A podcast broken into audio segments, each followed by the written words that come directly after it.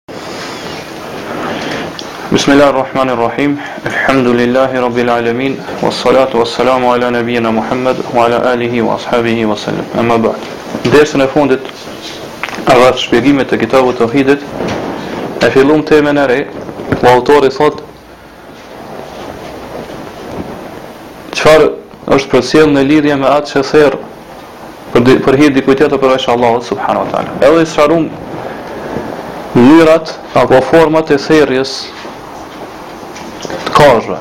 Unë do të them se Ka raste kur ai është tauhid i pastër, ka raste kur ai është shirk në adhurim, ka raste kur ai është shirk edhe në adhurim edhe në kërkim ndihmës, ka raste kur ai është shirk në rububie, edhe ka raste kur ai është vetëm një gjë e lejuar.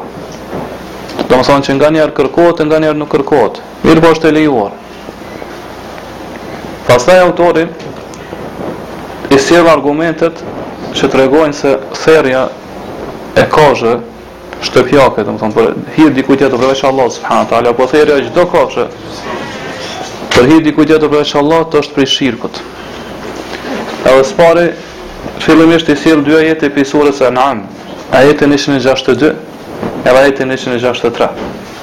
Edhe thotë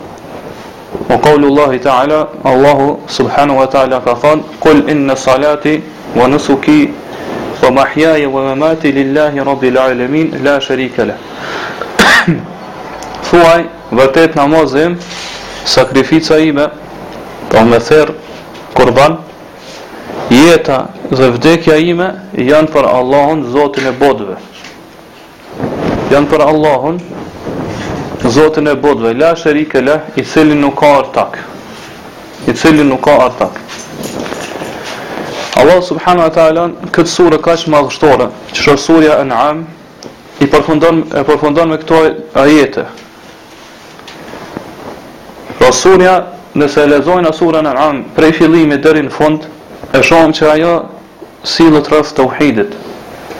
Pra e sqaron çka është tauhidi edhe çka është shirku. Gjithashtu e sqaron se çka kanë vepru mushriktë për idhujt e tyne. Pra se si disa prej kafshve që i kanë therë apo edhe që i kanë qenë gjalla disa prej të mbjellurave, të korrurave i kanë ba të shenjta edhe i cak, i kanë caktu të veçanta për idhujt e tyre. Pastaj Allahu subhanahu wa taala këtë sure e përmbyll duke treguar që muslimani duhet të shfajësohet edhe duhet të distancohet prej çdo vepre ose prej atyre veprave punëve që i bojnë mushrikët, që i bojnë paganët. Edhe kjo është e zakonshme te suret që kanë zbrit në Mekë. Por shumica atyre, Apo më mirë të themi të gjitha suret që kanë zbritur në Mekë flasin rreth Tauhidit. Edhe ndalojnë prej shirkut. Për arsye se pejgamberi sallallahu alaihi wasallam ka jetuar 13 vite në Mekë edhe gjatë 13 viteve vazhdimisht ka thirrë në Tauhid. Pra pejgamberi i Allahut Muhamedi sallallahu alaihi wasallam, që ka qenë pejgamberi i fundit, 13 vite ka thirrë në Tauhid në Mekë, sa vesh. Edhe Kurani ka zbrit për Tauhidin. Pra gjatë këtyre trembëdhjetë viteve vazhdimisht ka zbrit Kur'an, ajete të Kur'anit që me sqaru çka është tauhidi edhe çka është do thot shirku. Edhe kështu ka vazhduar edhe më tej, edhe do thot në suret që kanë zbrit n'Medinë, mirëpo natyra e sureve që kanë zbrit n'Medinë është më e zakonshme që flasin rreth dispozitave, rreth ligjeve në Islam. Pra kjo tregon se njeriu kurrë nuk duhet të lodhet duke i thirrë tjerët në tauhidin e Allahut subhanahu teala. Kurrë nuk duhet me u mërzit. Kurrë nuk duhet të lodhet, mërzitet duke ia sqaruar të tjerëve shirkun, çka është shirk. Për arsye se kështu na ka mësu Allahu dhe kështu na ka mësu i dërguari i tij, i dërguari i tij sallallahu alaihi wasallam. E prej surave që kanë zbrit Mekë është dhe kjo sure, kaq madhore që është surja An'am. Allahu subhanahu wa taala këtu po i drejtohet pejgamberit sallallahu alaihi wasallam këta këta në këtë ajet edhe po urdhon po i thotë kul thuaj do të thotë thuaju njerëzve edhe sqaroju njerëzve edhe shpalle tek njerëzit që ti je ai i cili e kryen edhe çon në vend tauhidin e pastër Po këtë sqaroju, jo vetëm njerëzve të kohës tonë, dhe jo vetëm njerëzve të vendit tonë, mirëpo njerëzve gjatë gjithë kohrave, deri në ditën e gjykimit, e në gjitha vendet e botës. Pra thuaju, që unë jam ai i cili do thotë e çoj tauhidin në vend ashtu që është e realizoj tauhidin në vend ashtu siç më ka urdhnua Allah subhanahu wa ta'ala. Pra thuaju njerëzve inna salati, Që namazi është vetëm për Allah, subhanahu taala. Fjala sala, në gjuhësisht do të thotë lutje. Kurse në kuptimin fetar, namazi sala është adhurim që kryhet për hir të Allahut, subhanahu wa taala, i cili fillohet me tekbir dhe përmbyllet me teslim. Pra fillohet me ose hapet me fjalën Allahu Akbar edhe përmbyllet me fjalën Assalamu alaikum. Dhe kë ky adhurim që kryhet për hir të Allahut subhanahu wa taala përfshin adhurimet e zemrës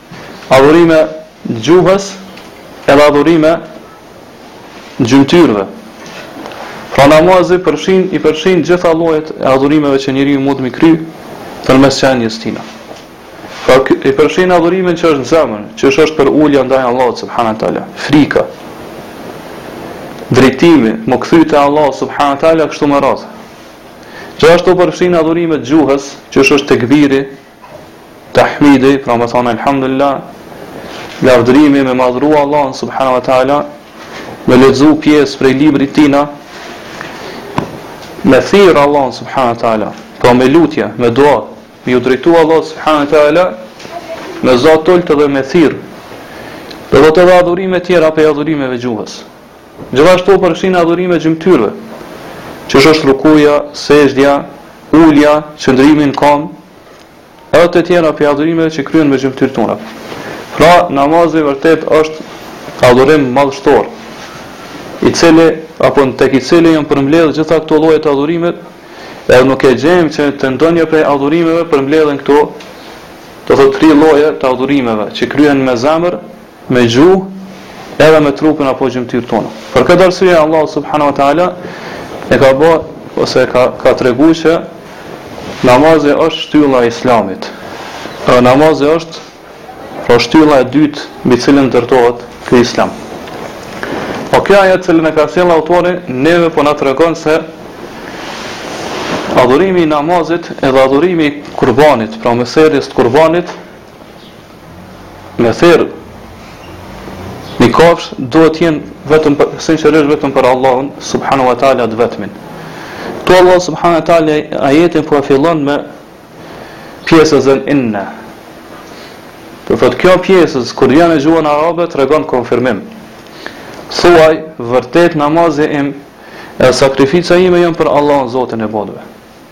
Prandaj kur vjen kjo pjesëza inne, që tregon, do thotë e vërteton atë punë, atë gjë,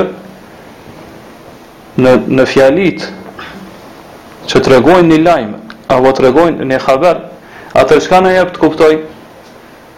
Kjo na jep me kuptu që ai i cili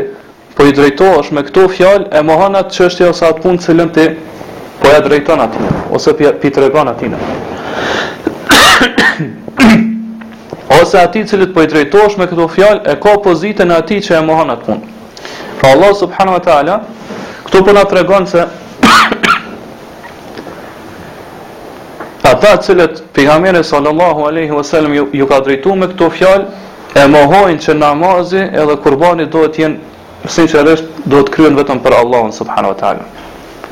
Po në këtë mënyrë ne argumentojmë që ose ky ajet na tregon për tauhidin. Po që namazi edhe therrja kurbanit, sakrifica duhet të jenë vetëm për hir të Allahut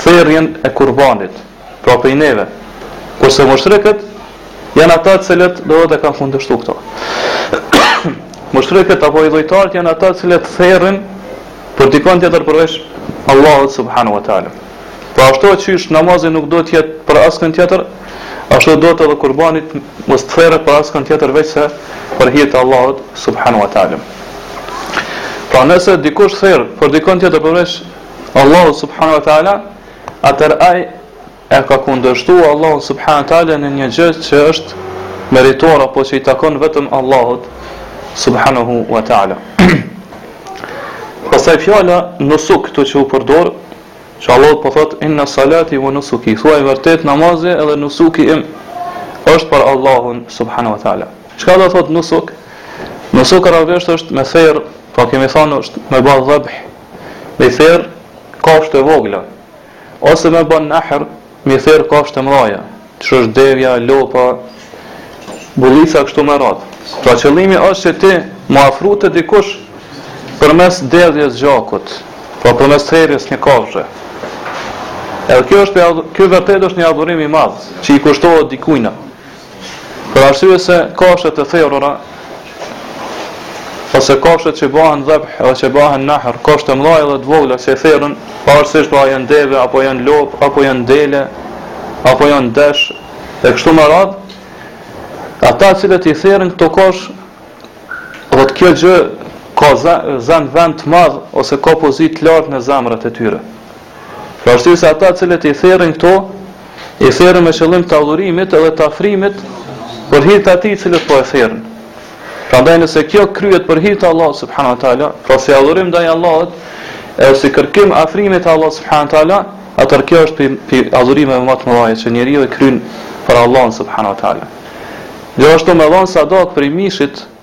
Për këtë mishi i cili nëse kjo kafshë u therr për Allahun, kjo është gjithashtu një adhurim shumë i madh që ka peshë te Allahu subhanahu teala. Pra therrja kafshëve çka do thot? Do me me me me derdh gjak për Allahun subhanahu teala. Me therr një kafshë, e me derdh gjakun e saj për hir të Allahut subhanahu teala.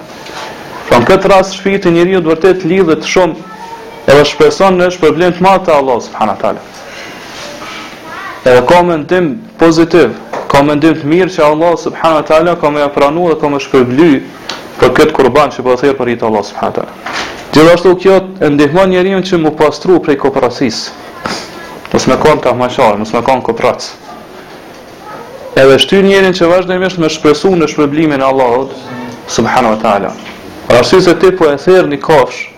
Sepse po e nxjerr një shpirt e cila ka po ka pozitë tek ti ose tek në zemrën tande. Ose do thotë e ke rrit vet, ose e ke ble shtrejt e kështu me radhë. Ti këtë po e therr edhe po e po e merr shpirtin, do thotë po e largon ose domethënë Allahu është ai që e merr shpirtin, mirëpo ti je shkaktari edhe po e derdh gjakun e saj për hir të Allahut.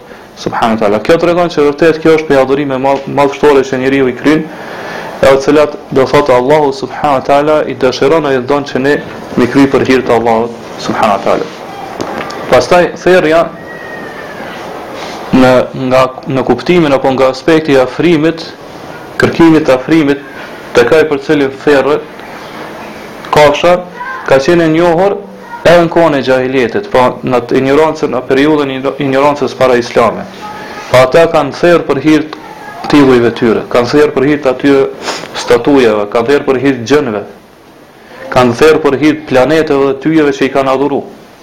Pra kanë therë për gjëra tjera përveç Allahut subhanahu wa taala. Për këtë arsye, një prej poetëve të njohur të xhahilijetit që quhet Nabigha, kur ka shkruar ka thonë la wa alladhi zurtuhu hijajan Po ashtu u betu, së pari në Allahun, ka thonë jo, për atë, për hir të cilit kam kry haxhet shumta, wa ma hurika alel ensabi min xhesedin. Edhe gjithashtu ka thonë, për ato, u është betu pastaj për ato kafshë, cilat janë therë për hir të idhujve. Edhe për atë gjak i cili u derdh për hir të idhujve prej kafshëve të cilat janë therë do thotë prej mushrikëve të Mekës. Kjo tregon se mushrikët e xahiljetit kanë therë për hir, do thotë në, në nga aspekti i afrimit edhe kërkimit të afrimit edhe adhurimit, kanë therë për hir të idhujve të tyre. Prandaj therja ose do të jetë për hir të Allahut subhanahu wa taala ose për hir dikujt tjetër. Pastaj pejgamberi sallallahu alaihi wasallam kur i ka zbrit ky ajet, E ua ka sqaru njerëzve se ai e kundërshton fenë e mushrikëve. E kundërshton fenë pagane. Pra mushrikët idhujtarët janë ata të cilët therin për dikon tjetër përveç Allahut subhanahu wa taala, kurse pejgamberi sallallahu alaihi wasallam dhe pasuesit e tij, ndjekësit e tij therin vetëm për hir të Allahut subhanahu wa taala të vetmit. Ashtu qysh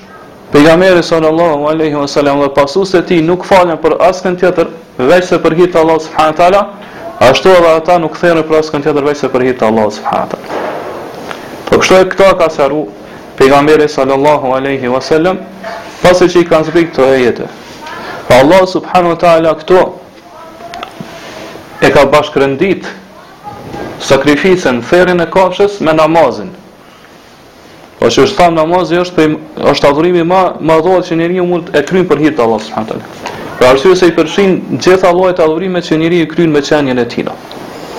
Allah subhanahu teala këtu po e bashkëngjit apo po e nënrendit therjen e kurbanit me namazin, ose meniherë pas namazit po e sjell therjen e kurbanit. Don kjo tregon se vërtetë edhe therja e kurbanit është adhurim i madh, Është adhurim madhështor që duhet të kryhet vetëm për hir të Allahut subhanahu teala dhe nuk lejohet dot me ia kushtu dikujt tjetër veç Allahut subhanahu teala. Edhe sot e gjejmë se shumë njerëz do thotë e kanë marrë si çështje të lehtë therjen e kurbanit për dikon tjetër veç Allahut subhanahu teala. Prandaj e shohim se shkojnë te falltorët edhe ata i urdhnojnë me therr një pulë ose një kafshë kështu me radhë për hir xhinëve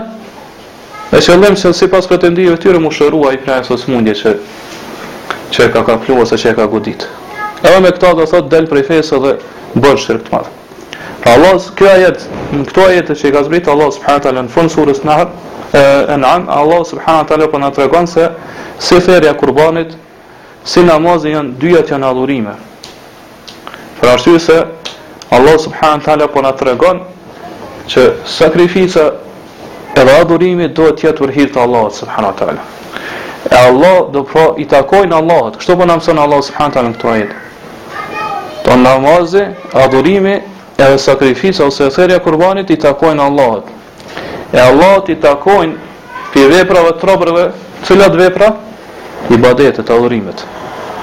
Allah po thot, therja kurbanit, e namazi i takojnë vetëm Allahut. E cilat vepra të robërve i takojnë ose i meriton Allah subhanahu taala, janë ibadetet apo adhurimet që duhet me i kry robi.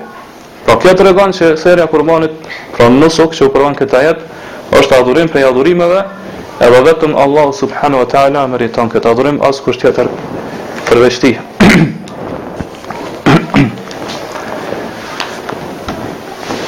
Ky është kuptimi i fjalës nusuk në kuptimin fetar apo shariatik.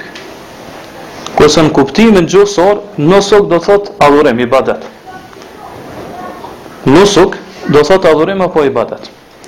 Atëherë në këtë ajet kur u përdor kur Allah subhanahu wa taala po thotë thuaj salati edhe nusuki im janë vetëm për Allahun Zotin e botëve. A është për qëllim do thotë adhurimi apo është për qëllim therja e kurbanit? Ma dhe marit kemi, e kemi sqaru që kur vjen një term, një shprehje në gjuhën fetare, Pra në tekstet fetare në Kur'an dhe në Sunet, atëherë do të interpretohet me kuptimin fetar. Do të interpretohet dhe të komentohet me kuptimin fetar, pra në kuptimin shariatik. Gjithashtu nëse një term apo një një një shprehje vjen Në gjuhën e traditë, traditës edhe zakonit, atër duhet të interpretohet sipas traditës apo zakonit. Dhe a nëse vjen në gjuhën arabe, atër duhet të interpretohet sipas kuptimit të gjuhës arabe. Mirëpo, kur të vjen në shpallje në Kur'an, në sunet, tekstet e Kur'anit dhe sunetit, atër ato duhet të interpretohet sipas kuptimit fetar apo sheriatik. Për shembull, dijetarët e marrin, një shembull thonë, nëse ti i thua një njeri arabisht, shatun i thonë Deles. Po nëse i thua një njeriu a ki një shat me vete, a ki një dele, atëherë thot ai ka me kuptu që po e kërkon një dele në gjinisë femërore. Mirëpo thotë në gjuhën arabe, fjala sha, sha, kur përdoret, atër i përfshin sikur dashin, sikur delen, sikur capin, sikur dhinë, e kështu me radhë. Prandaj varet në çfarë konteksti e përdor. A e përdor në kontekstin e gjuhës arabe apo në kontekstin e traditës. Prandaj thotë se do thotë Sheikh Uthaymeen se ky ajet duhet të interpretohet në kuptimin shariatik. Mirëpo thotë disa dijetarë kanë thënë që Ajeti duhet të interpretohet në kuptimin gjuhësor. Edhe kur ka thënë Allahu subhanahu për për arsye se kanë thënë kjo është më e përgjithshme. Pra ajetin nëse këtë rast e interpretojnë sipas kuptimit gjuhësor, atër kjo përfshin më shumë sesa namazin edhe therjen e kurbanit. Pra kur ka Allahu subhanahu taala ka thënë këto kul inna salati wa nusuki thuaj Salati dhe nusuki janë për Allahun, janë vetëm për Allahun atëherë në kuptimin gjuhësor i vjen lutjet e mia, pasi se thamë fillim salat do thotë lutje, aspektin gjuhësor. Edhe adhurimet e mia janë vetëm për Allahun, Zotin e botëve. Atëherë këta dijetarë ka thonë që këtu hin edhe namazi, për arsye se edhe namazi është një lloj lutje, po hin edhe therja kurbanit, për arsye se edhe therja kurbanit është adhurim.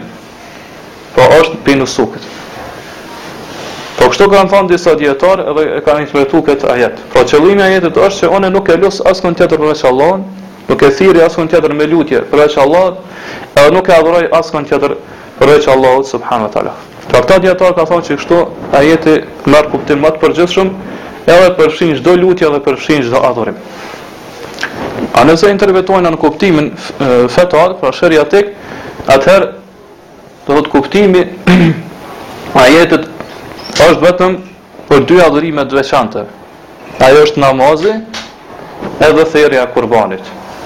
Namazi edhe therja e kurbanit. Atëherë këta dijetarë ka thonë që pse Allah në këtë rast I ka sjell vetëm këtu dy adhurime i ka sjell vetëm si shembuj. Po përderisa namazi është për hir të Allahut atëherë çdo lutje duhet të jetë për hir të Allahut. Pra namazin e ka sjell si shembull që lutja duhet të jetë për hir të Allahut. E përderisa therja kurbanit është për hir të Allahut atëherë çdo adhurim tjetër përveç tina duhet të jetë për hir të Allahut subhanahu taala.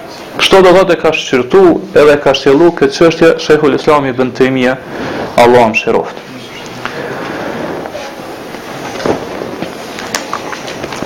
Edhe ka thonë që do thotë Allahu subhanahu teala e ka sjell namazin si shembull për adhurime trupore që kryhen me trupin dhe gjymtyrët tona.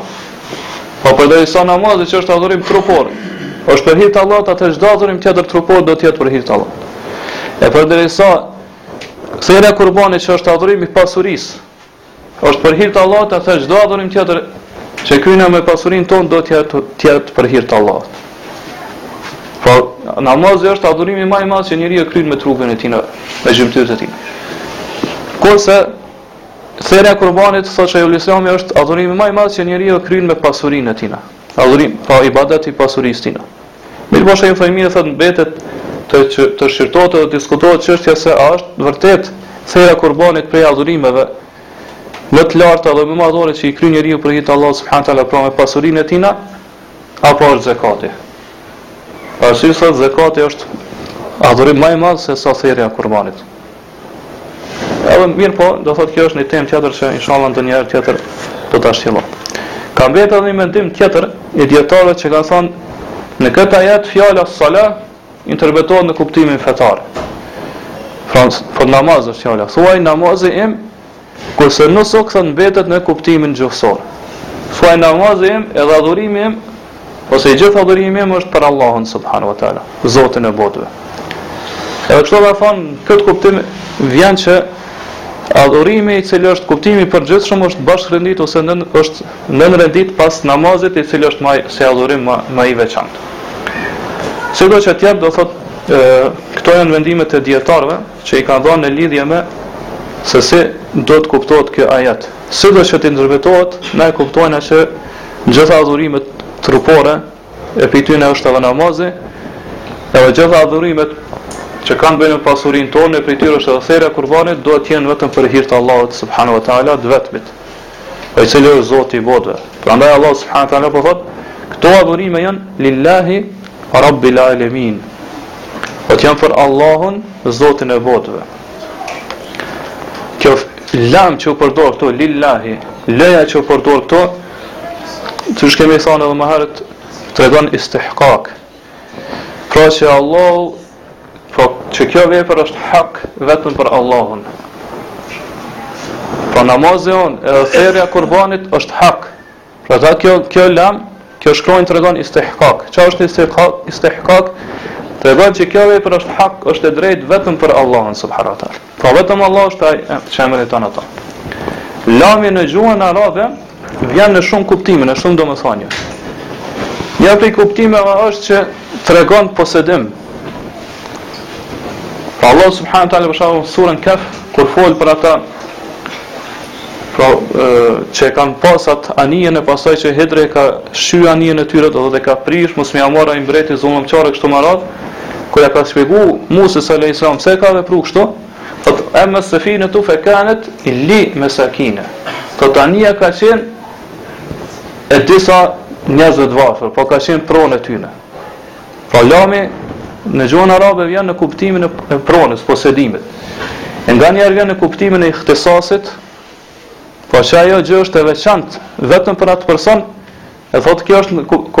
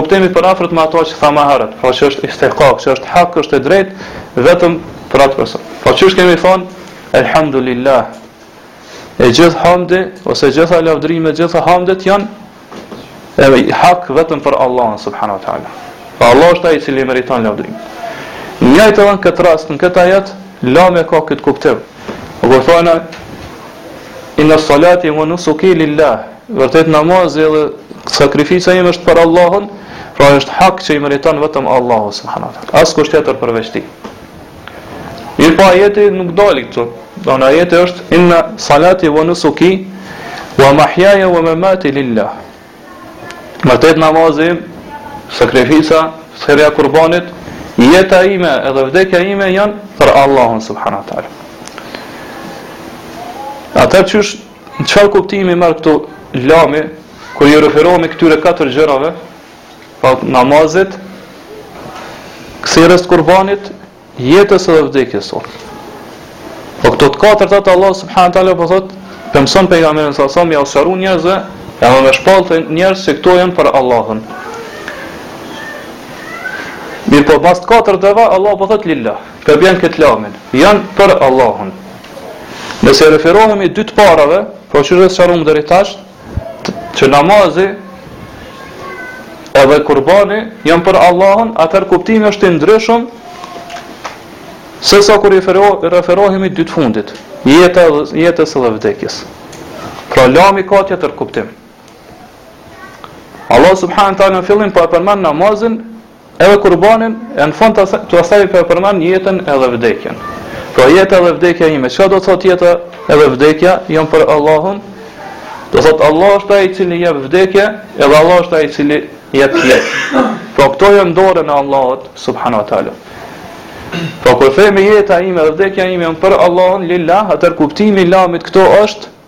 janë do thot Allah i posedon ato.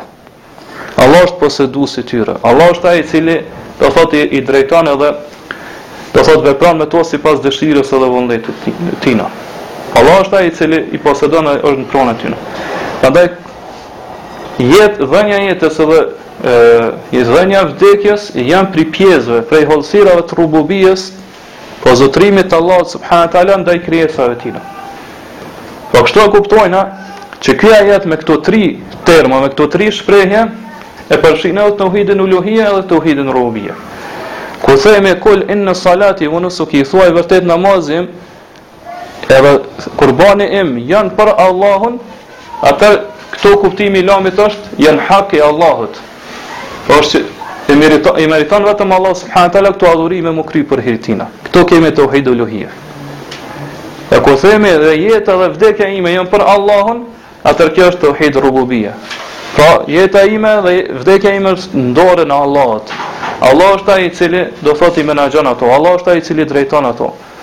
Allahu është ai i cili vepron me to sipas dëshirës edhe vullnetit të tij. Prandaj dijetarët e tefsirit kështu e kanë komentuar. Ka thënë nëse e kthejmë lamin këto lilla për Allahun, e kthejmë të dy të parat te namazi dhe te kurbani, atëherë kuptimi është el istihqaq, pra që jan hak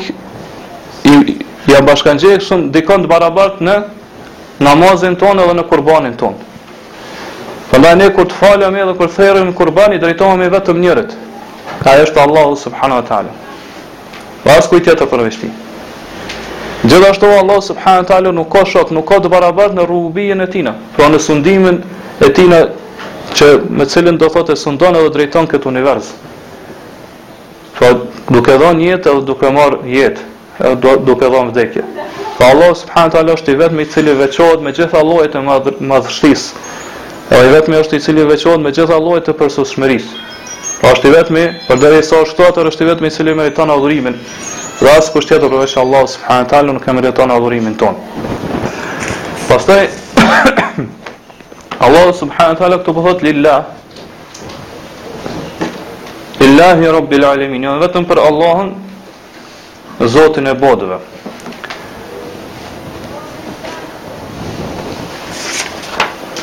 Allah, fjala Allah që është për Allahun, Zotin e botëve, do është emër i përveçëm që tregon qenien hyjnore, pra që tregon Allahun subhanahu teala i cili adhurohet prej njerëzve.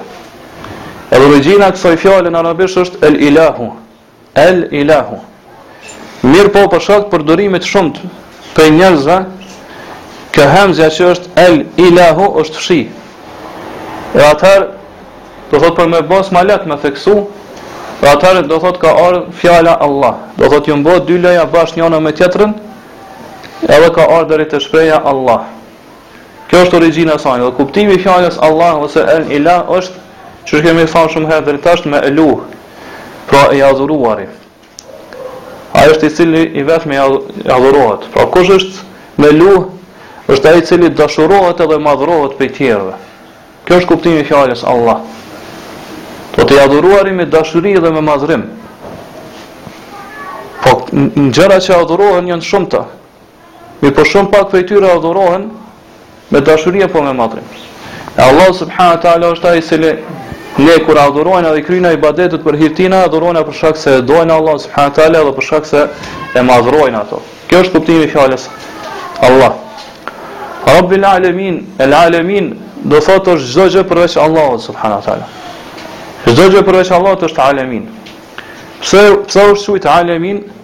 Për arsye se kjo fjalë në gjuhën arabe rrjedh prej fjalës alem që tregon që është shenjë. Pra çdo gjë në këtë univers është shenjë, provë që tregon për Allahun subhanahu wa taala, për krijuesin e saj. Çdo krijesë në këtë univers merr dhe shikoje, studioje, medito rreth sajna,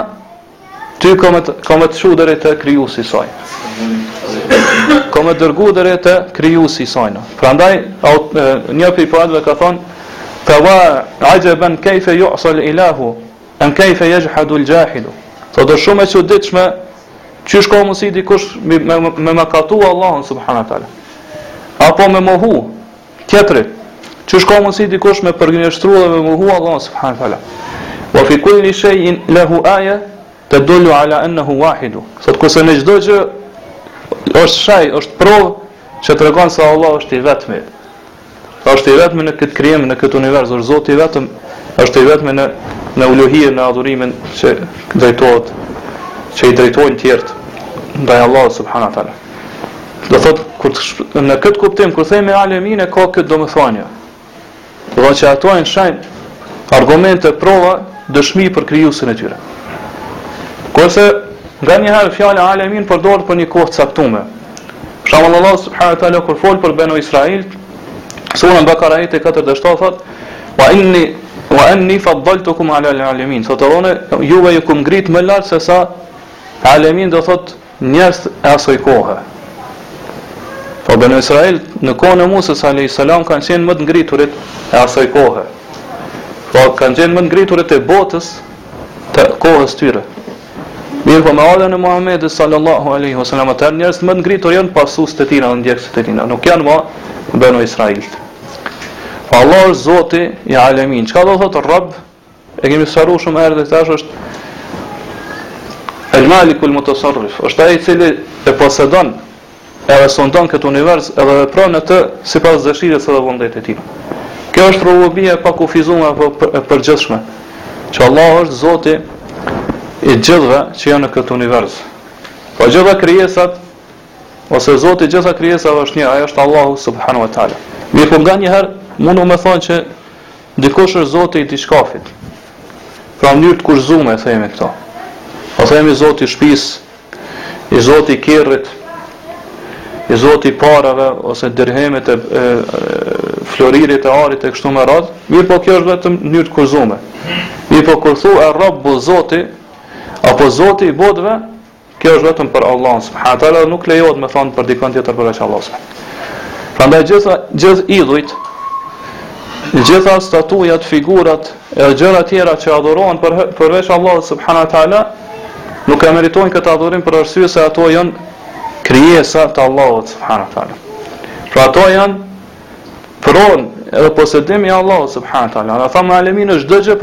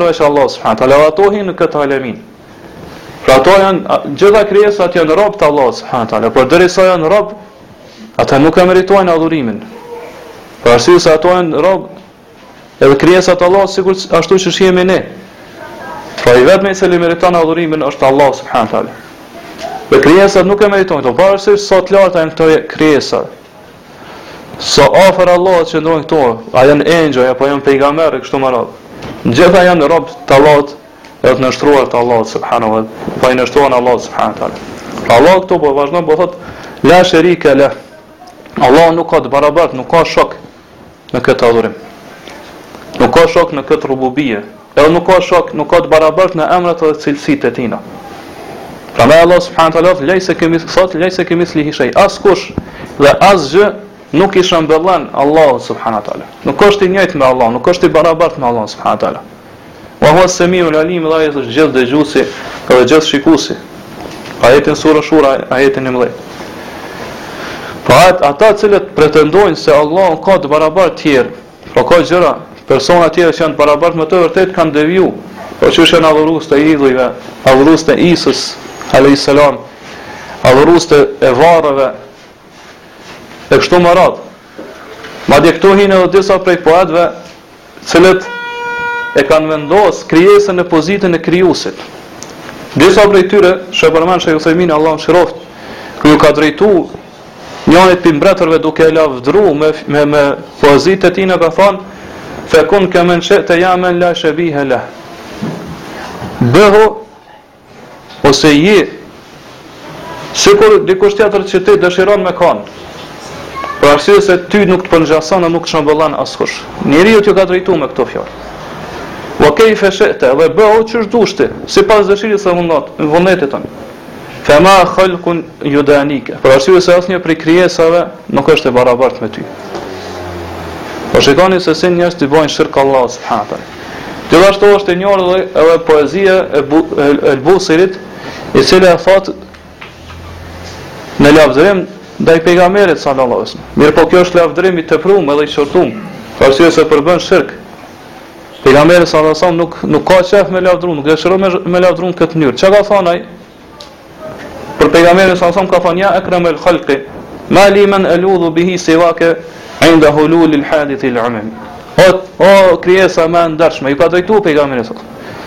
Thotë unë nuk kam dikënd që kërkoj strehim te ai, edhe që kërkoj mbrojtje prej tij kur më godasin Sprovohet përveç teje. Kështu i drejtohet pejgamberit sallallahu alaihi wasallam.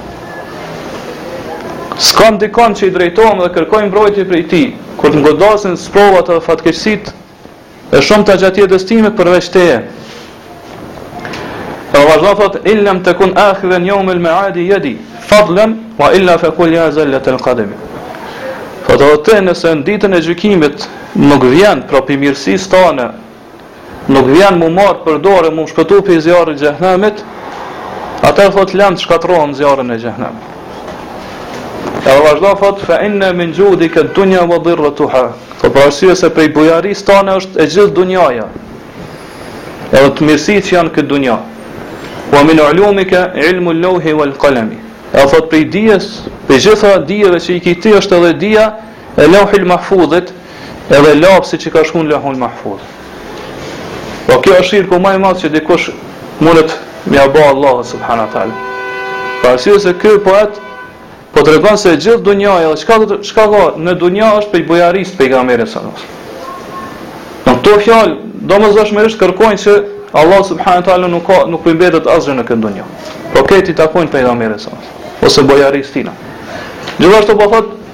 Prej dijeve që i ki ti që i posedon ti është edhe dija e lauhil mahfudhit, pra pejgamberi salallahu alejhi selam e din të ardhmen, edhe din çdo gjë që ka qenë edhe që do të jetë deri në ditën e gjykimit.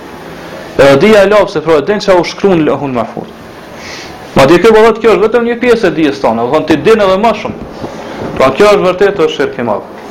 Nuk ka shirk më të madhë që mundet me ju bo Allahut subhanë tala se sa këto fjalë që i kanë drejtu pejgamberit sa Pastaj vazhdon ajeti thotë wa bidhalike umirt, me këtë jam urdhëruar. Po kjo kjo formulim i fjalëve në gjuhën arabe tregon kufizim. Po këtu nuk po thuhet po kallëzuesi është ardh para foljes. Kallëzuesi është ardh para foljes. Po gjithmonë në gjuhën arabe kur kallëzuesi vjen para foljes,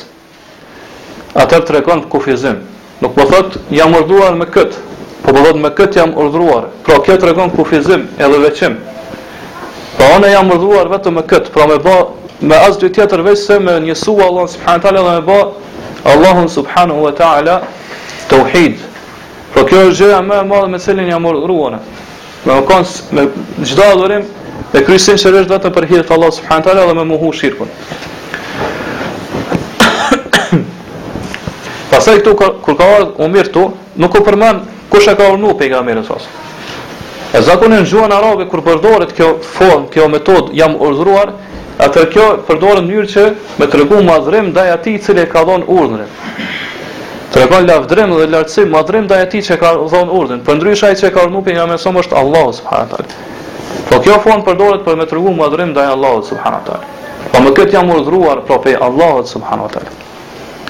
Edhe kjo tregon prej kësaj gjithashtu përfitojmë që adhurimet tona, ibadetet tona janë të kushtëzume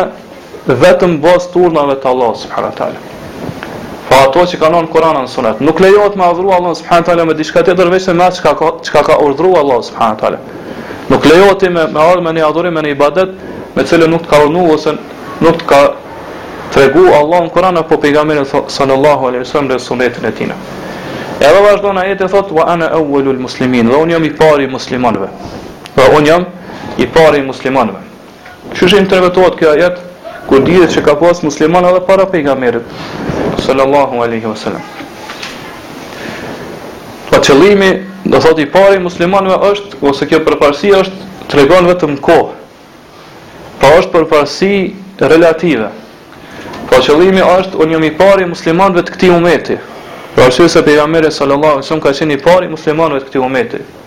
Përndryshe thamë që ka pas musliman edhe para pejgamberit sa, gjithë besimtarët që kanë ardhur para pejgamberit sallallahu alaihi wasallam që kanë i kanë ndjek pejgamberët e tyre janë kanë musliman. Do thot në kuptimin që ata kanë qenë të sinqertë në adhurimin e tyre ndaj Allahut subhanahu teala. Kjo është kuptimi i Islamit në përgjith në në kuptimin e përgjithshëm. Pra çka është Islam? Islam është el istislam lillahi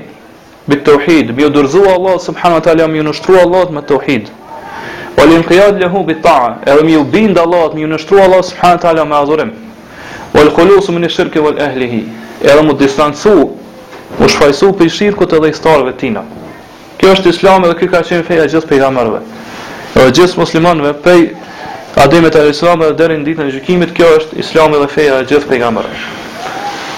Mirpo kjo unë jam i pari muslimanëve mund të interpretohet edhe në në në aspektin kuptimor ose përparësi në në aspektin e kuptimit vetëm. Po qëllimi është që njeriu që më së shumti e realizon Islamin edhe më së shumti ju ka dorëzuar Allahut subhanahu wa taala, më së shumti ka plotësuar bindjen Edhe adhurimi ndaj Allahut subhanahu teala është i dërguari i Allahut subhanahu teala.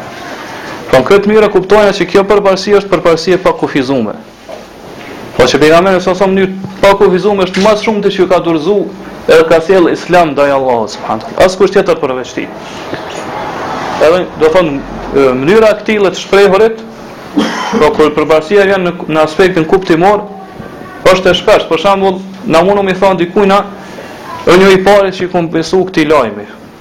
Po edhe pse ka qenë para teje, ka pas tjerë që i kanë besu, mirëpo qëllimi është që ti je i pari i cili i ke besu mas shumti këtij lajmi. Askush tjetër do thotë pra do thotë tek ti nuk ka ndonjë mohim ndaj këtij ose ndonjë refuzim ndaj këtij lajmi. Do thotë e ke e ke pranuar ato edhe ke besu në mënyrë të plotë. Është një hadith i ngjashëm me këto,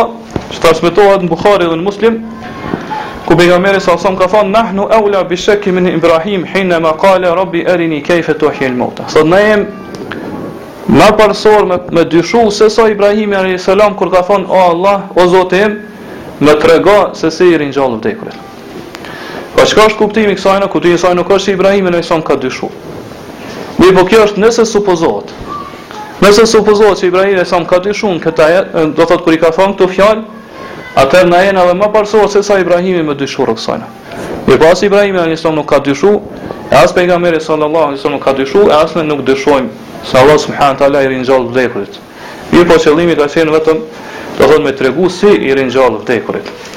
Po fjala muslimin islam e ka kuptimin që thamë herët. Mirëpo Islami kur të, kur të përdoret në ajet apo në hadith e përfshin edhe imanin. Për arsye se kur thuhet islam në mënyrë të përgjithshme, atëherë është me ju dorëzuar Allahut, me ju nënshtruar Allahut subhanahu wa taala në brendësinë tonë edhe me të jashtëmën tonë.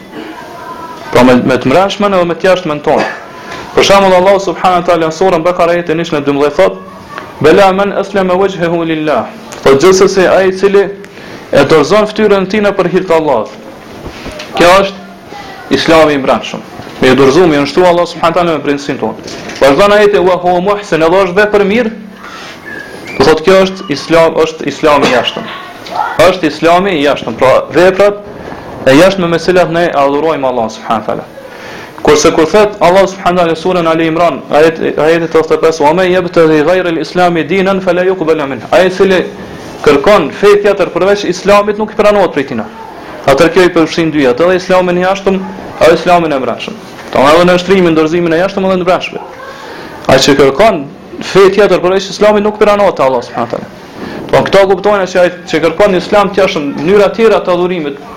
Po jo si Islami që me cilën ka ardhur pejgamberi s.a.s. nuk i pranohet te Allahu subhanahu taala. Mirë po ai i cili ka nijet tjetër çka përveç Allahut, nuk i dorëzohet, pra nuk i nënshtrohet Allahut subhanahu taala me brendësinë e tij, nuk i pranohet te Allahu subhanahu taala ai adhurim. Kurse kur përmendet imani gjithashtu e përfshin Islamin.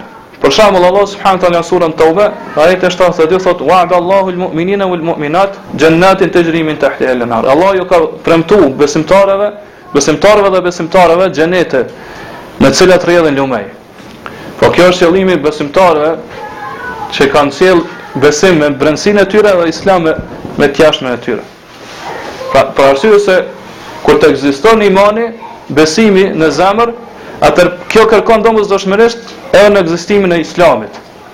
Patjetër ai i cili thotë kam iman në zemrën e tina, atëherë patjetër duhet me sjellë edhe Islamin, pra me veprat e tina të jashtme.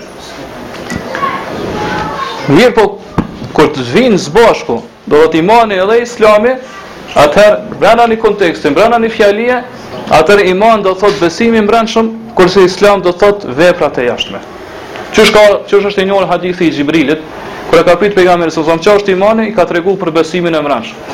Çka është Islami, ka treguar për Islamin e jashtëm, pra për veprat e jashtme e kështu me radh, edhe argumentet për kësaj janë të shumta. Pastaj autori, pas këtij ajeti e sjell edhe një ajet tjetër që tregon për këtë temë,